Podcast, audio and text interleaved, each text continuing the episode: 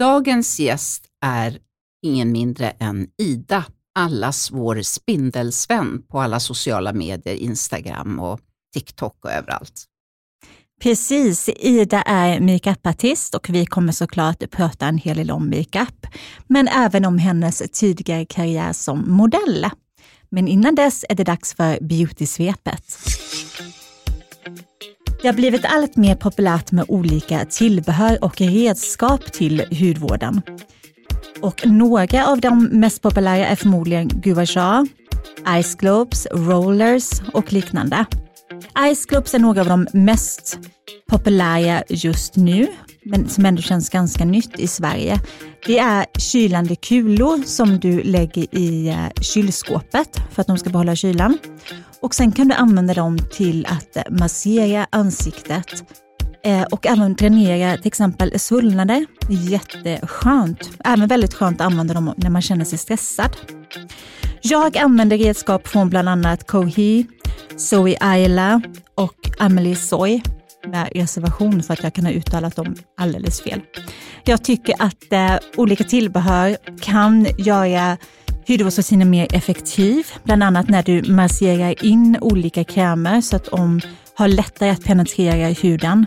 Likadant olika serum och även masker.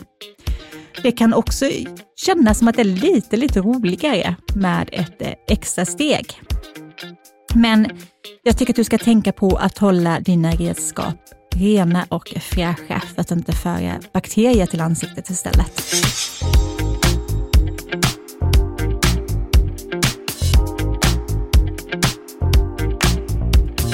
Hon är makeupartist som vi sällan ser i beige. En tidigare modell som både hunnit skönhetsblogga och haft uppdragsgivare som SVT, Glamrockarna i The Ark och Makeup Store. Hon ser ut som en gudinna, men eh, kallar sig för Sven. Varmt välkommen till Hudvårdsdjungeln, Ida Kyllman. Tack! Ja, välkommen Ida. Så roligt att ha det här. Vi börjar med att eh, bena ut det här. Du kallar dig för Spindelsvän på sociala medier. Mm. Var kommer det ifrån? Så alla får det klart för sig. Mm, det, det, alltså det var bara ett skämt som gick lite för långt för väldigt många år sedan.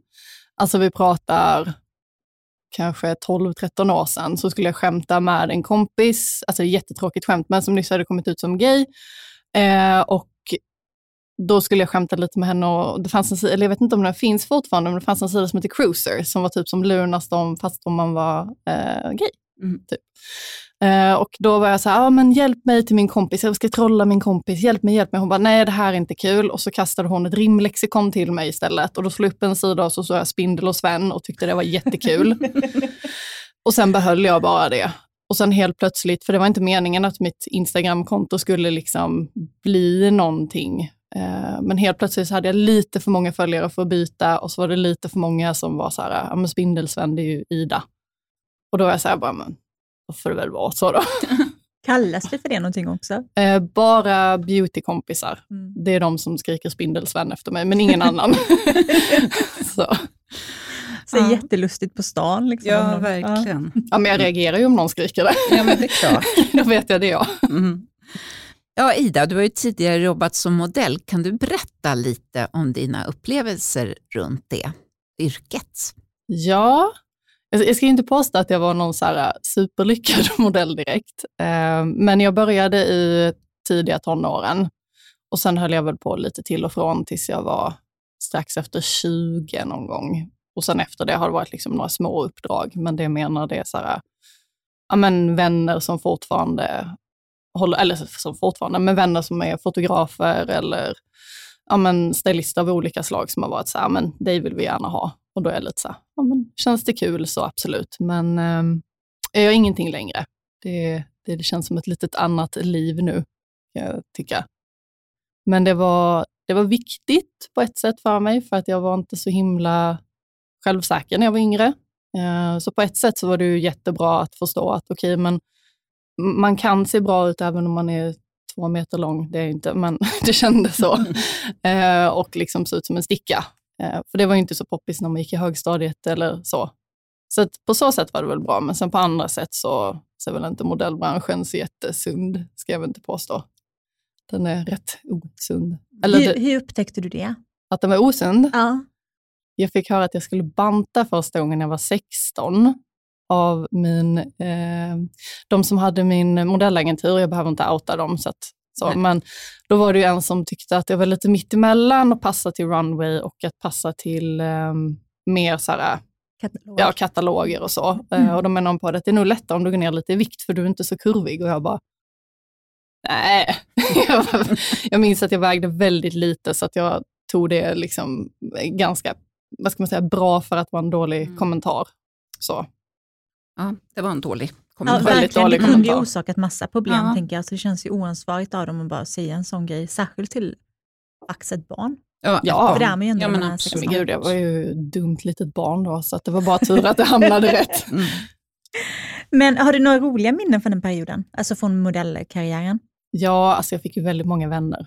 Det måste jag säga att det är nog det bästa. Eh, vissa av dem umgås jag ju fortfarande med eh, och andra inte. Men jag lärde mig jättemycket och fick träffa jättemånga olika människor. Och jag skulle också vilja säga att det gjorde mig mer tolerant mot olikheter eftersom att själva modebranschen är ju så himla... Alltså det finns ju alla typer av människor.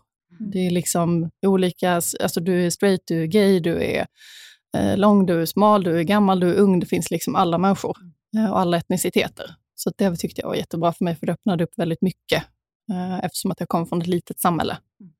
Där Ja. det kanske är lite mer inskränkt. Sådär. Mm. Men hur kommer det sig att du slutade? Eh, jag ville bestämma själv vad som skulle hända på plåtningarna tror jag. Eh, och sen tyckte jag nog inte det var så kul de sista åren. För det var mer så här, jag tyckte det var ju väldigt roligt att skapa en bild, men som modell är man inte så involverad i det, utan det är mer så här, du ska på dig det här, du ska vara sminkad så här, du ska posa så här. Och så har man kanske lite kreativ frihet, men i övrigt så är det ju mer, du bara är liksom en liten pryl på en plåtning. Mm. Jag tror jag var lite för kreativ för det. Men var det då du blev intresserad av skönhet och skönhetsbranschen eller, eller kom ditt, ditt intresse för det på något annat sätt? Alltså, jag tror jag började bli intresserad när jag var ganska liten och snodde smink av mamma. Det var liksom, snodde någon ögonskugga, gick till skolan med den när jag var tio. Man sminkade sig inte när jag var tio. Och sen så var det väl lite paus där i det. Och så blev jag intresserad igen under tiden jag modellade, för då kunde man ju se liksom, men shit, man kan göra så coola saker med smink. Det var inte bara mascara och ögonskugga som, det var när jag var, eller som jag tyckte det var när jag var liten. Så att, eh, det kom väl någonstans där och att jag insåg att shit, vad man kan uttrycka sig med smink. För det kan man ju verkligen göra. Att det var inte bara sotningar, utan man kan ju liksom glittra i hela ansiktet eller eh, liksom möblera om hela ansiktet om man har lust för det. Så det var någonstans där tror jag. Och där fick du kanske utrymme också för det här kreativa. Ja. Ja, i makeupen. Precis. Jag tyckte ju det var kul att rita när jag var yngre, men jag var inte så duktig på frihandsrita. Eller när jag var yngre, liksom att skapa någonting utan en mall så att säga. Och då, då är det ganska kul att sminka, för då skapar man ju på en befintlig mall, Mm. kan man väl säga. Man färglägger och skuggar. Och det, det passar bra. Men när tog du beslutet att eh, plugga till makeupartist? Undrar om jag var 20. Det var någonstans där 2021 var jag nog då, så det är ju 12-13 år sedan. Eh, och då, då blev det pang på rödbetan, superspara pengar, för det får man ju inte bekostat av någon liksom CSN eller så. Det kanske finns nu, men det fanns inte då. Så det var bara panikspara i ett halvår och sen körde jag. Mm. Och det var jättekul. Men om det är någon som lyssnar nu som tycker att det, det vore intressant att utbilda sig till makeupartist, vad skulle du ge för råd till den personen? Alltså om man är sugen på det men inte vet om branschen funkar för en, då tänker jag mig att man kan försöka se om man hittar någon som man kan få assistera. Eh, och då kan man ju skriva till folk som man följer på sociala medier eller som man vet är duktiga.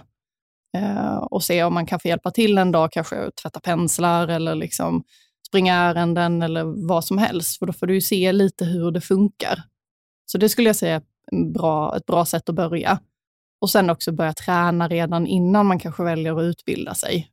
Um, för att jag vet inte, när, när jag utbildade mig då var det så här, du var tvungen att ha en utbildning för att bli makeupartist, men jag vet inte riktigt om det är så nu längre. Utan det räcker att du är jäkligt duktig, har bra hygien och liksom kan sminka alla typer av människor. Så kan du sminka folk med ljus i, mörk i, någon som är äldre, någon som har rosacea, någon som har mycket rynkor, någon som är liksom yngre eller whatever. Så länge du klarar av det så kan jag känna lite så här, då lär du dig mycket på vägen. Men, men om man vill gå en utbildning, finns det, på vilket sätt kan man ta reda på vilken skola som är seriös, som man säger? Då skulle jag säga prata med folk som har gått utbildningar. Mm. För att det står, alltså, dels är det många skolor som faktiskt eh, är ganska öppna med vilka som har gått deras utbildningar. Och Då kan man också titta och se, vad tycker jag? Hur, hur duktiga är de här människorna? Vad jobbar de med idag? Känns de som att de fick rätt verktyg eh, för att komma vidare? Eh, så jag skulle säga prata med massa folk, skriv och bara fråga, mm. fråga, fråga. Mm. Det är säkert någon som inte kommer vilja svara och sen är det många som kommer vilja svara och berätta. Ja, bra tips. Mm, verkligen.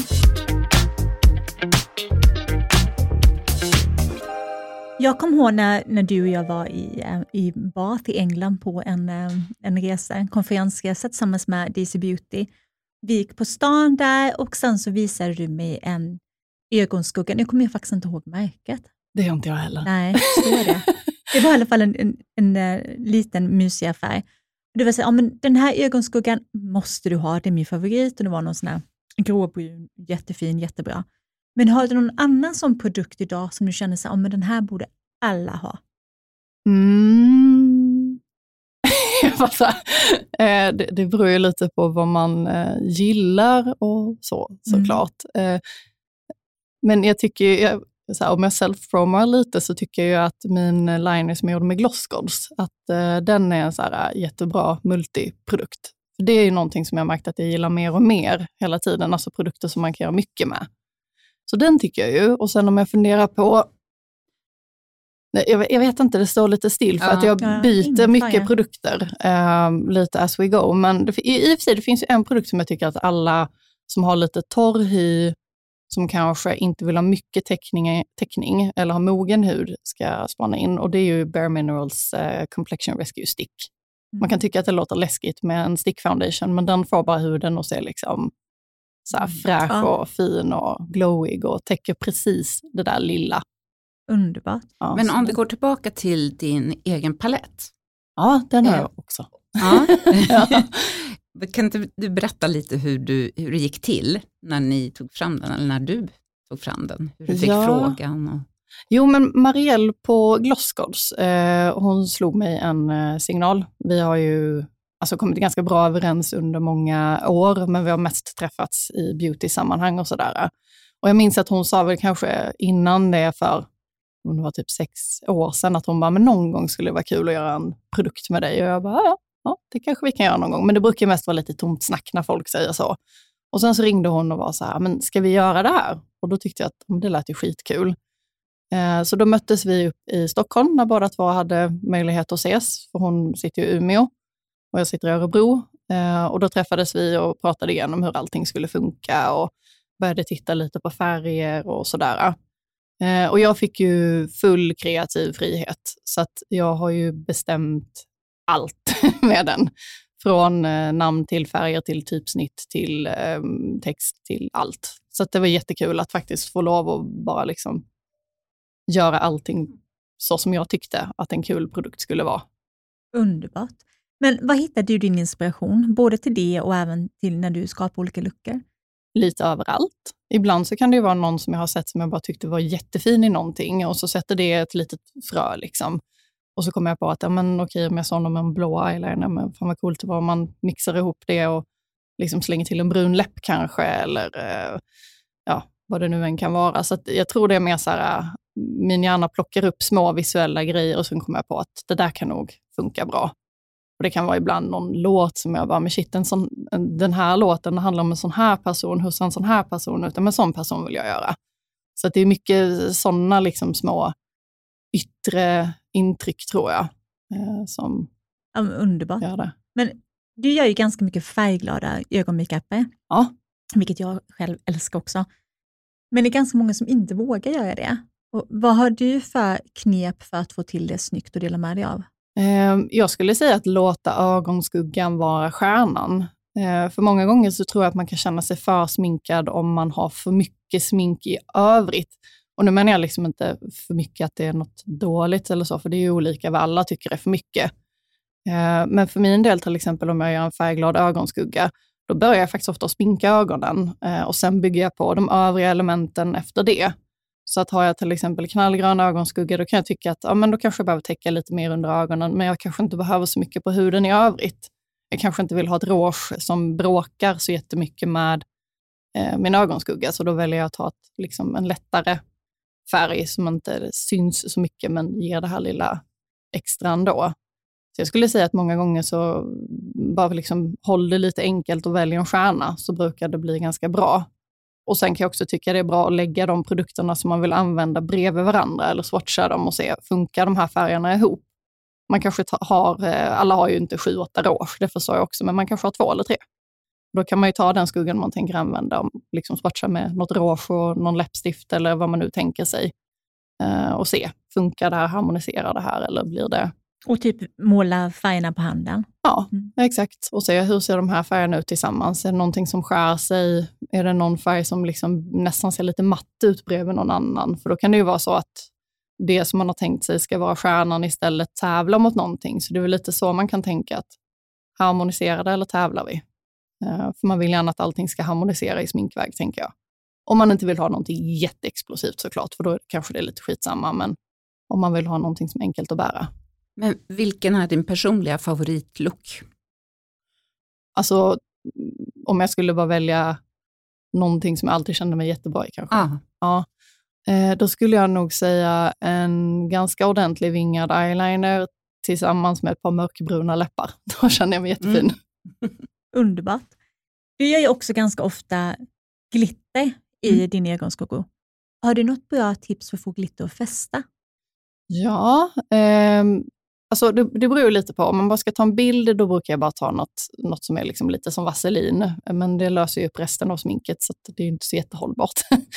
eh, men sen så finns det ju massa olika typer av ehm, eh, glitterlim till exempel. Eh, Nyx har till exempel ett som man kan använda. Sen kan man också välja att köpa glitter som redan kommer i en liksom mix. Eh, det finns många märken som har det, så det är liksom som en gel nästan som sen torkar och så sitter glittret kvar. Så att egentligen så tänker jag bara någonting som är lite kladdigt men gärna torkar kanske. För då sitter det ofta bra.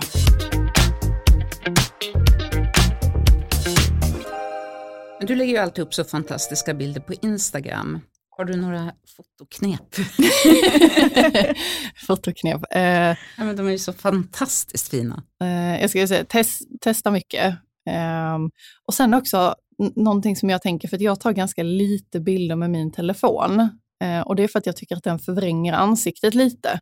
Ni vet man liksom står där och ska ta en selfie, så är man så här, wow, är mitt ansikte så här långt eller är min näsa så här stor eller har jag verkligen inga kinder eller så.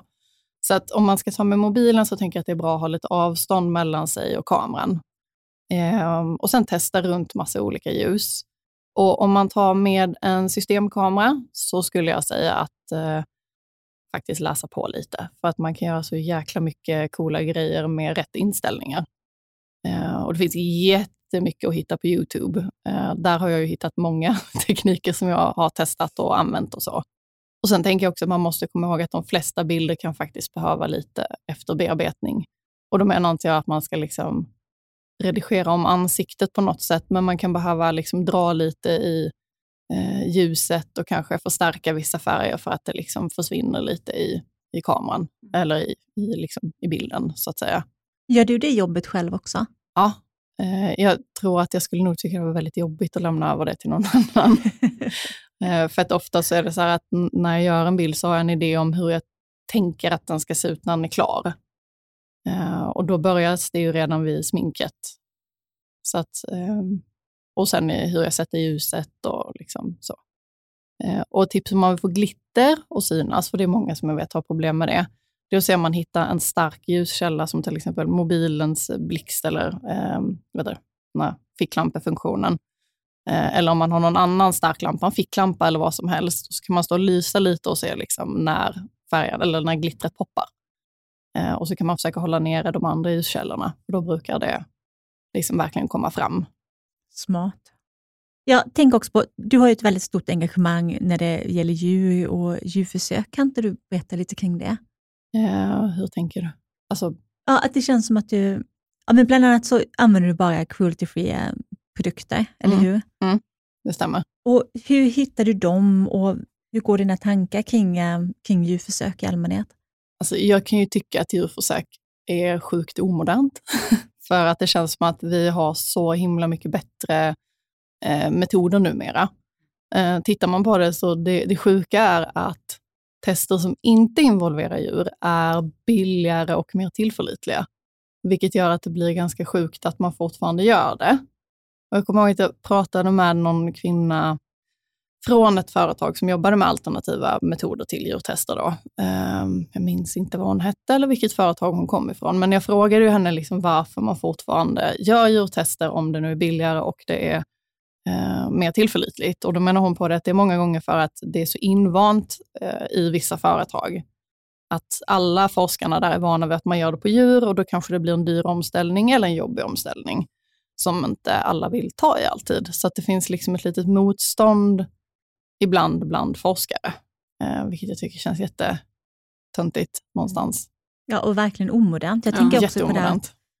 Jag har också alltid varit extremt mot djurförsök. Mm. Och en, en annan anledning som jag också tycker att man bör tänka på är att man kanske inte har samma uppbyggnad i huden och man kanske inte har riktigt samma hudtyp som en um, beaglehund eller en råtta eller en uh, albinokanin. Liksom. Nej, det är väl därför det finns hundschampon och människoschampon. Ja, Ja, precis. men precis. Det skiljer sig Ja, men, ja, men det är ju verkligen så. Ja, Ja, nej, och, men det det, är, och det, det är verkligen en, sa, en sak som är sann. För att någon gång har faktiskt hemma hos mig hundschampot varit slut och jag har kört något, något vanligt schampo på Ja. dem och det blir inte bra alltså. nej. Det är, så det är ju skillnad. har du gjort tvärtom? Tagit hundschampo Nej, det har jag faktiskt hår? inte gjort. Det är nästa grej. Jag är lite för rädd om mitt hår. Du får testa ikväll. ja, precis. Men när vi pratar om hår Ja. så, så måste vi prata lite om ditt hår Ida. Hur tar du hand om det? Eh, ja, just nu håller jag på att växa ut det igen. Jag klippte ju av allt hår, eller allt, nu låter som jag rakade mig, men jag hade ju midjelångt hår till för, ja vad var det, två år sedan kanske. Eh, och då fick jag en så här, nej men nu ska jag klippa av det, för det har jag aldrig gjort. Eh, så det gjorde jag. Det var bra för mig, för jag behövde nog göra det. Få bort den här bilden av mig själv som att jag är en person med långt hår bara. Men alltså jag är ganska noga med mitt hår i överlag, just för att jag kan tycka så här, ett välskött hår oavsett längd ser alltid trevligt ut. Det är liksom, Mm. är håret Ja. fint är man fin, även om man har en dålig dag, tänker jag. Och nu kör du Mm. axellångt. Ja, kan det, du säga för er som lyssnar också. jag. precis, Så, det, det ska växa ut, men just nu är det på axellängd. Mm. Eh, så ja, men eh, nej, jag är väl bara noga med att, eh, jag- i och med att jag färgar håret så använder jag alltid färgbevarande produkter eh, av olika slag, men inte jättenoga med det, så länge det inte är jättehårda produkter. Sen är jag lite vågigt hår också, så jag väljer ofta väldigt återfuktande produkter som liksom, ja, hjälper håret att inte hålla sig, eller hjälper håret att inte bli frissigt. Och eh, jag använder inpackning varje gång jag tvättar håret, en av dem. Mm. Och tvättar håret kanske max två gånger i veckan tror jag. Eh, och alltid, alltid, alltid, alltid värmeskydd. Jag hade en liten fadäs för ett halvår sedan tror jag det var, där jag trodde att jag hade använt värmeskydd i fyra månader. För att sen inse att jag inte hade gjort det. Eh, För jag fattade inte varför mitt hår hade blivit så slitet. nej. Så vi säger värmeskydd till alla. Ja, men instämmer på den. Ja, jag håller också Och i med. hela håret. Hela håret, från topp Någon till gång eh, man botten. missar luggen och så helt plötsligt så är den som kemiskt av. Liksom. Ja. av Precis värmen. så. Så det är viktigt. Väldigt viktigt. Men när du färgar håret, då, då gör du det på salong eller? Eh, ja, alltså en av mina bästa vänner är frisör. Ja. Eh, så att jag, klipper mig alltid hos henne. Eh, men sen så i och med att jag har bara mörkt hår nu så brukar hon faktiskt ge mig färg så att jag kan Mm. färga botten hemma. Eh, vilket är jättesnällt av henne. För att jag var lite så här, bara, "Ja, men vad gör du om jag går och köper färg på ICA? Hon bara, då slår jag dig, så här har du lite färg. Ja. För det är Ja. hon som kommer få ta reda på mitt hår nästa gång jag vill Precis. byta färg. Så, att, Så du använder en kvalitetsfärg kan vi konstatera då. ja, det är Ja. lika bra. Och sen håller efter det med eh, färgbomber för att behålla glansen och djupet i håret. Så Precis. färgar aldrig längderna egentligen. Nej. Nej, bara botten.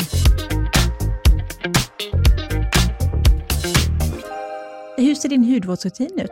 Ehm, den är lite varierande, men det är också lite så här, eh, det tog ett tag för mig att lära mig att lyssna på huden. Eh, hur den liksom känns och hur den ser ut och vad den kan behöva för tillfället lite. För innan så var jag väldigt så att nej, men nu använder jag bara de här produkterna och håller mig till dem. Och Det är klart att då får man alltid fina resultat, men eh, ibland kan jag uppleva att jag behöver slänga in någonting annat. Um, och Det kan ju vara till exempel som att jag har eh, keratosis pilaris. Det är så här mm. chicken skin, eller vad man ska säga, permanent kycklinghud kan man väl kalla det. Uh, och Då brukar jag behöva använda lite AHA-syra, för att annars får inte jag bort det. Det är inget annat som tar bort det. Nej. Uh, och då brukar jag använda, och det, det kommer ju lite i perioder. Det är kanske de som har det vet att ibland har man lite mer och ibland har man ingenting. Uh, så i perioder så använder jag ganska mycket AHA-syra. Men det är bara i form av mask. För att jag vill inte ha något som ligger på huden, för jag tänker att då kan det kanske bli lite irriterande. Sen jobbar jag ofta väldigt mycket med fukt och C-vitamin, tycker jag jättemycket om. Eh, och alltid solskydd. Alltid, alltid solskydd. Det låter klokt. Det är bra. Ja, verkligen. Då blir hudterapeuterna glada. Ja. ja, men lite så här, snällt aktivt brukar jag tänka. Mm. Eh, aldrig någonting som är liksom aggressivt på något sätt. För att det provade jag för några år sedan och det blir aldrig så bra. Det blir alltid något eksem eller någonting. Mm. Jag tror att det är så faktiskt för de allra flesta. Man ska vara väldigt rädd om sin hudbarriär. Ja, annars sparkar huden bakut. Ja, ja, man förlorar sätt. sitt skydd. Ja. Precis så. Det har hänt mig. Då hade jag många eksem. Ja, mm. för jobbigt. Men när blev du senast förvånad över en produkt? Tänker du testar ju ganska mycket, både allmänt inom, inom hudvård men också inom makeup och så. Så... Är det någon produkt som verkligen har förvånat dig? Det tråkiga är när man har hållit på så länge att det händer inte så ofta längre att det är produkter som man blir så golvad av. För det känns som att det mesta har vi redan sett på ett eller annat sätt. Ehm, men en produkt som jag blev väldigt så här, äh, kär i och jag fattade liksom inte riktigt hur de fick till det, det är en av Beauty Acts nyare produkter som är en äh, gel highlighter kan man väl säga. Eh, de brukar ju lösa upp sminket om man lägger det ovanpå sminket och de mm. brukar vara kladdiga och liksom inte så trevligt. Eh, men den, den, liksom, den rubbar inte det som är under och den kladdar inte. Jag måste nästan, jag kommer inte på vad den heter exakt nu, eh, men det kanske är någonting vi ska titta på, för den är jättetrevlig. och den liksom ser, det, det bara ser ut som att du har så världens finaste glow. Oh, vilket bra tips. Eh, så det är inget glitter, inget skimmer, utan bara så här jättefin skim, eller jättefint glow. Mm. Det är verkligen så. Och det gör ju så himla mycket, just när man får lite lyst i ansiktet. Det ju, ja. ja. Och den brukar jag dutta på med en uh, makeup-svamp. Så jag tar en liten klutt på handen och arbetar ut och sen tar en makeup-svamp och duttar där jag vill ha den. Istället för att gå in med fingrar eller sätta det direkt i ansiktet. Mm. För då kan jag känna att man lätt får för mycket eller blir lite kladdig eller så. Vad känner du att du vill göra i framtiden? Eh, ja, det är en stor fråga. Det är en jättestor fråga. Men, men om jag tänker mig så här, inom ett eh, så här, livsperspektiv så vill jag ju jättegärna ha råd att flytta ut på landet eh, och eh, skaffa en egen häst igen, för jag är ju en hästtjej. Eh, och sen så gärna ha ett par hundar och kanske någon liten dvärgget och lite sådär. Um, och kanske liksom försöka se om man kan få till, få till uh, att liksom jobba med djur på något sätt.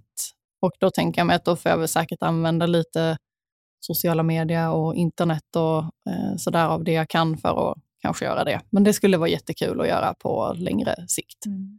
Uh, för även om jag tycker smink är jättekul så tycker jag nog djur är bättre. så. Det låter underbart.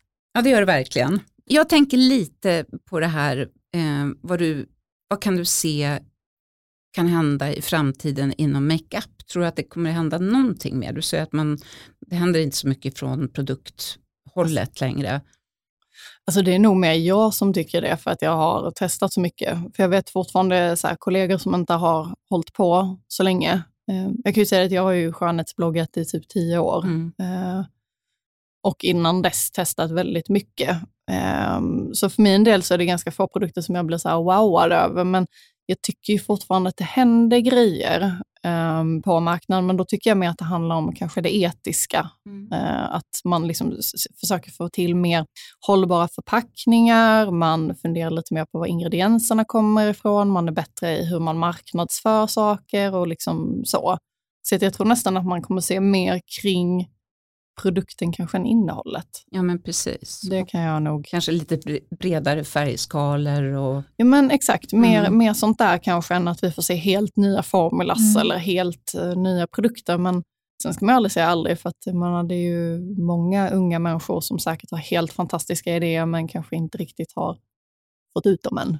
Men, men om, du som har hållit på så länge med makeup, hur, hur tycker du att liksom, trenden ser ut? Ser ut som att eh, folk är lite mer eh, glada i och vågar lite mer använda färg idag än för kanske tio år sedan? Gud ja, alltså tusen procent ja. Och det är jättekul tycker jag, uh, att se folk som ja, kommer med en riktigt färgglad eyeliner eller som har liksom knallrosa läppar eller som bara så här, men jag har glittriga kinder idag för det vill jag ha.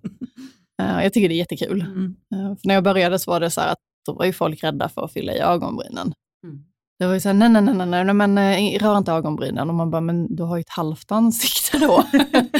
eh, och nu är det ju jättemånga som aldrig skulle gå utanför dörren utan att fylla i ögonbrynen. Eh, så att eh, det har hänt jättemycket. Folk leker med och det är jättekul att se.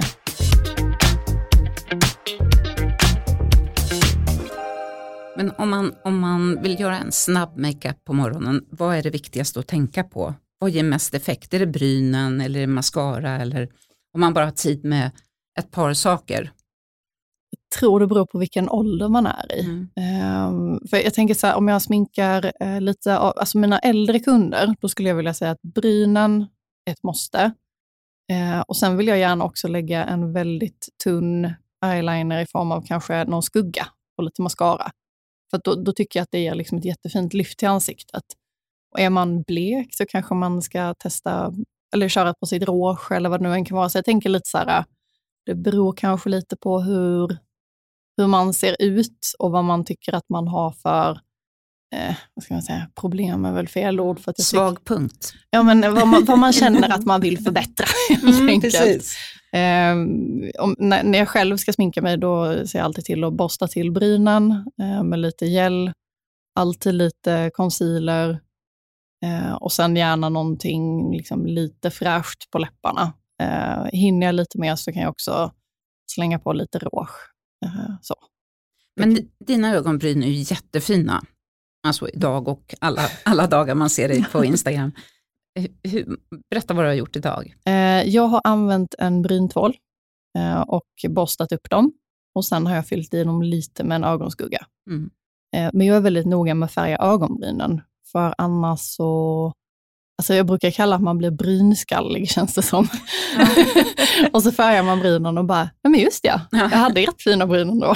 här, här, finns jag. Precis. Så att eh, mycket färgande av ögonbryn. Mm. Eh, nog faktiskt en gång i veckan, jag är lite så med det. Ja. Nej, men det gör otroligt mycket ja, det gör det. för de flesta. Precis. Och då måste man inte välja svart. Det går ju bra med, jag väljer inte svart för övrigt, men det går ju bra med lite ljusare färger också. Absolut. Prova sig fram lite försiktigt. Ja, mm. precis. Det är väl det bästa tipset. Ja, men precis. Och det finns ju, Reflectosil har ju eh, så att man kan blanda ihop deras färger. Eh, då har de ju till exempel vissa som är lite gråa, någon som är svart, någon som är mörkbrun, någon som är ljusbrun, någon som är blond. Så kan man ju mixa till sin egen nyans. Mm. Ja, de gillar jag med. De är jättebra. Men dina eh, ögonfransar, färgar du dem också eller går du till salong? Nej, jag gör det själv också. Mm. Eh, jag fick mycket färg i ögonen när jag var yngre, ja. innan jag lärde mig hur, hur jag skulle göra det på bästa sätt själv. Eh, och då brukar jag ta en så här snedskuren pensel och så målar jag dem uppifrån. Så jag färgar liksom inte undersidan av dem, if it makes sense, utan bara uppifrån. Mm. Så brukar de få bra färg ändå, utan att det hamnar i ögonen. Det gör så ont. Ja, ja, det slider. Ja, det skulle jag faktiskt inte våga. Nej, Men för övrigt går du till, till någon hudterapeut och pysslar om huden? Inte så jätteofta. Jag, jag gjorde det ett par gånger, men jag tyckte ofta att eh, de hudterapeuterna kanske var lite för aggressiva med min hud. Och Då menar jag till exempel att de klämde på grejer som inte jag tyckte behövde klämmas på till exempel. Eh, eller kanske använde produkter som jag tyckte var lite för starka för att många kanske vill ha den här, ja men nu, nu ser man att det har hänt någonting, men jag vill kanske inte riktigt det. Nej.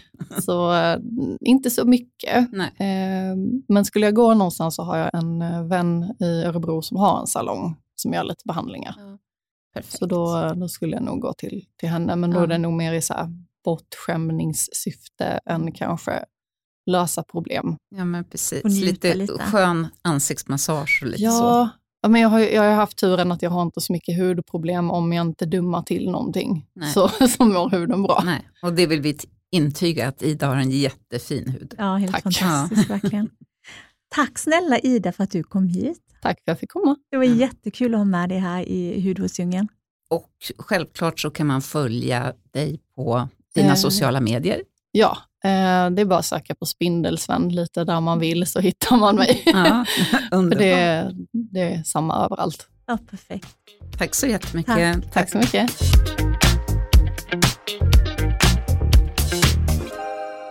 Det var dagens avsnitt med Ida, allas vår spindelsvän. Precis, det var jättetrevligt att ha Ida med oss här i studion. Vi tycker att du som lyssnar också ska ta och följa oss på Instagram där vi har ett konto som heter Hudvärdsdjungeln. Där kan du bland annat ställa olika frågor till oss inom beauty och du kan också önska framtida gäster du tycker att vi ska ha med här i studion. Just det, och glöm inte prenumerera på våran podd. Precis, du vill inte missa något avsnitt. Ha en fin vecka så länge. Hej då! Hej då!